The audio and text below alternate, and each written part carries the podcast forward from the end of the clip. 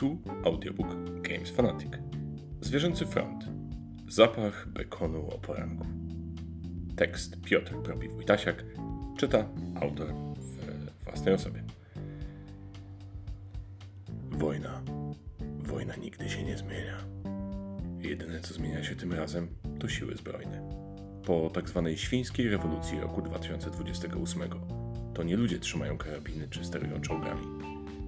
Teraz mięso armatnie to wysoce przeszkolona i zorientowana na zwycięstwo wieprzowina. I to właśnie tymi oddziałami przyjdzie ci dowodzić w konflikcie, który rozciągać się będzie od powietrza i ziemi aż do morza. 18 batalionów czystej wojennej furii. W grze Zwierzęcy Front przyjdzie ci stawić czoła sześciu wrogim oddziałom, a do swojej dyspozycji mieć będziesz również sześć własnych oddziałów. Wszystkie te formacje zostaną przed rozgrywką wylosowane z większej puli. Co przypadnie w udziale tobie, wie tylko dowództwo w centrali. Osią konfliktu, rozgrywki, są karty. W grze występuje ich 18, po 6 na każdą z trzech aren działań wojennych na lądzie, na morzu i w powietrzu. Runda składa się z następujących po sobie ruchów, w których gracze zagrywają po jednej karcie i rozpatrują jej efekt. Rozgrywka jest więc dynamiczna, bo i owe efekty nie wymagają wielu działań logistycznych. Amat Victoria Kuram Karty w grze posiadają różną moc, od 1 do 6, a każda z nich w inny sposób wpływa na pole bitwy. Te efekty są krótko i rzeczowo opisane na samych kartach. Z racji na ich losowy dociąg może się zdarzyć sytuacja, że nie otrzymamy żadnych kart do walki w określonym terenie. Wtedy z pomocą przychodzą rewersy, które choć nie posiadają żadnych specjalnych mocy, umożliwiają zagranie odwróconej karty na dowolnej arenie. Wszystkie karty zagrywamy jedna na drugą tak, że tylko efekt tej ostatniej jest widoczny. W pozostałych liczy się jedynie ich moc. Zwycięstwo w grze nie przychodzi szybko i potrzebne są przynajmniej dwie partie, by wyłonić zwycięską stronę. Po rozegraniu wszystkich kart następuje podliczenie mocy po obu stronach konfliktu. Remisy rozstrzygają karty naczelnego wodza, losowane na początku rozgrywki. Po podsumowaniu każdej z aren, do zwycięstwa potrzeba zdominować punktowo przynajmniej dwie z nich, przyznawane są punkty w zależności od tego, jak doszło do wygranej. Maksymalnie można ich otrzymać 6. Wygraną w grze gwarantuje dopiero 12 punktów, stąd przynajmniej dwie rozgrywki potrzebne do rozegrania pełnej partii. Ballada o podrzucaniu świni. Przepraszam, że zabrałem się do sprawy tak formalnie, od reguł, punktów i warunków, a gra nie jest ani trochę proceduralna.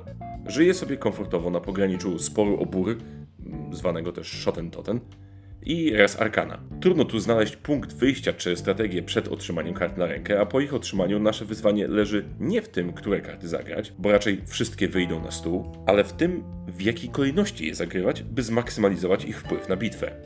Pod tym względem zagadka jest naprawdę nieprzeciętna, bo mimo skromnej 18-kartowej talii, możliwych kombinacji w naszej ręce jest aż 18 564.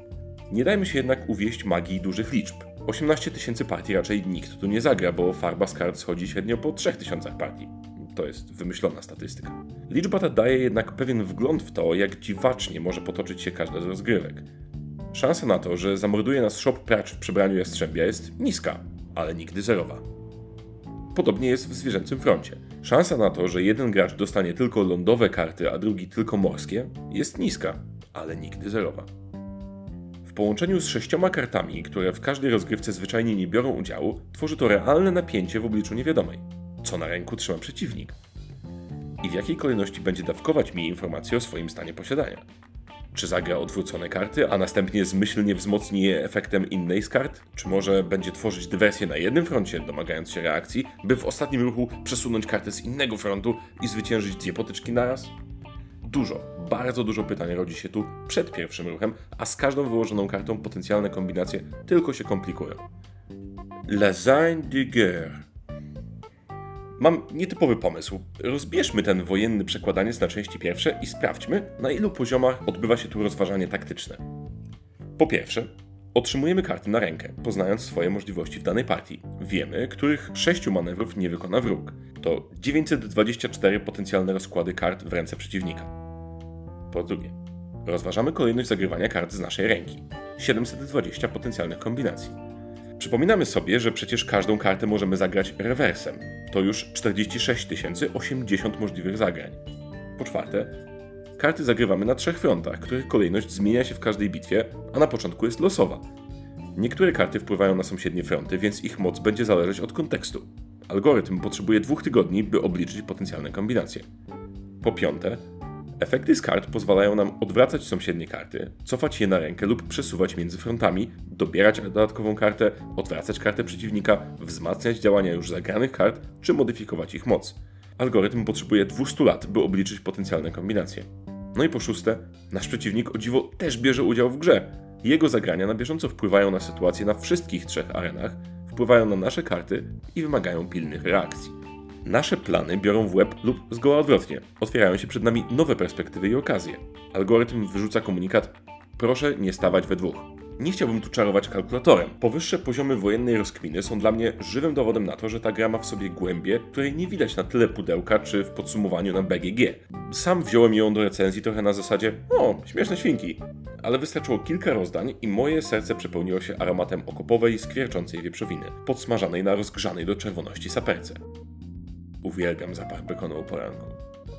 Make love, not war.